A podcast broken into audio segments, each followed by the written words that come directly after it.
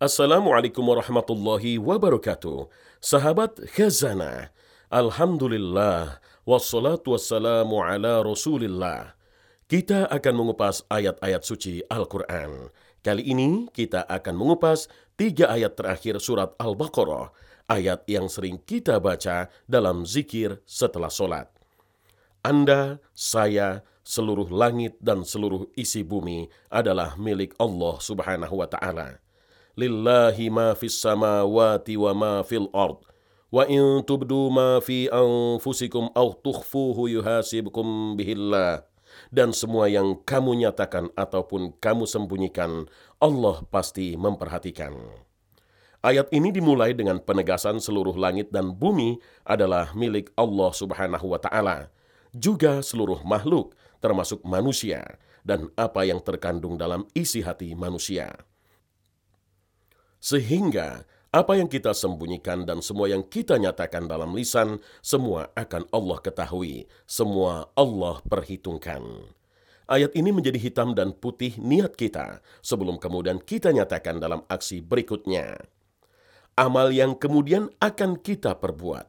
Bisa jadi keinginan dalam hati kita dinyatakan lewat doa. Bermohon kepada Allah supaya terkabul atau juga bentuk amaliyah lain yang menjadi reaksi dari semua yang terkandung tadi. Percayalah, Allah tahu semua niat awal dari hati dan pikiran kita. Lalu berikutnya adalah Allah Maha Kuasa untuk mengampuni siapa pun, dan Allah Maha Kuasa untuk mengazab siapa pun yang Allah kehendaki. Karena Allah sungguh Maha Kuasa atas segala sesuatu, Allah sungguh sangat berkuasa untuk lakukan apa pun atas segala sesuatu yang manusia perbuat. Wa yu'adzibu man yasha' wallahu ala kulli syai'in qadir. Ini menjadi tanda bagi setiap umat Islam bahwa Allah selalu mengawasi tindakan kita. Awas, kalau niat jahat sudah muncul, jangan sampai melangkah ke level perbuatan, karena ada Allah di situ yang Maha Berkuasa untuk mengazab kita, menghukum kita.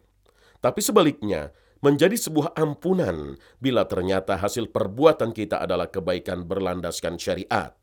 Fayaghfiru liman yasha. Allah berkuasa untuk mengampuni kita.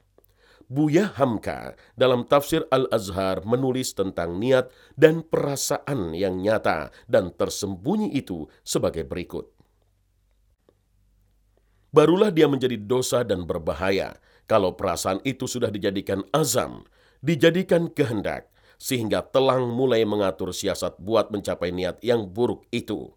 Apalagi kalau kelak sudah menjadi kenyataan, oleh sebab itu ada hadis yang sahih melarang mengikuti pandang dengan pandang. Pandang yang pertama belum berdosa, tetapi supaya terpelihara dari dosa, hendaklah ditahan diri, jangan diikuti dengan pandang yang kedua. Demikian juga sebaliknya jika tiba perasaan yang baik, melihat orang berderma, hati pun ingin berderma.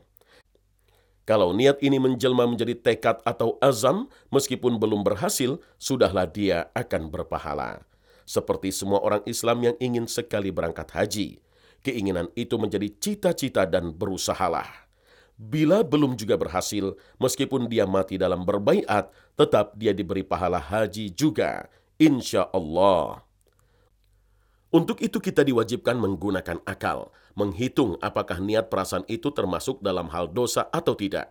Dalam bahasa Arab disebut muhasabah dalam bahasa ilmu jiwa disebut self-behearsing, yaitu perhitungan atas diri kita sendiri. Kalau perasaan jahat yang kita perturutkan sudah menjadi kehendak Allah jika kita mendapat siksa. Siksaan itu di dunia, siksa batin, siksa fisik, lalu di akhirat mendapatkan siksa neraka. Na'udzubillah. Akan tetapi kalau kita memupuk perasaan baik menjadi azam dan niat yang baik, maka bila kita nyatakan dengan hasil yang baik pula, maka kehendak Allah juga kita mendapatkan pahala. Alhamdulillah. Dan dalam dua konteks perasaan itu, jahat atau baik, Allah maha pengampun. Fayaghfirullah. Fayaghfirullahi ma yasha wa yu'adzibu man yasha. Wallahu ala kulli syai'in qadir dan Allah pun maha kuasa untuk mengazab siapa pun. Ditegaskan pula di dalam firman lainnya, Allah subhanahu wa ta'ala berfirman, Barang siapa berbuat kebaikan akan mendapat balasan sepuluh kali lipat amalnya. Dan barang siapa berbuat kejahatan, dibalas seimbang dengan kejahatannya. Mereka sedikit pun tidak dirugikan. Al-Quran Surat Al-An'am ayat 160. Wallahu a'lam.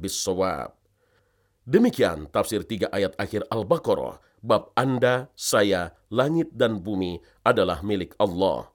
Jumpa lagi dalam serial tafsir berikutnya. Wassalamualaikum warahmatullahi wabarakatuh.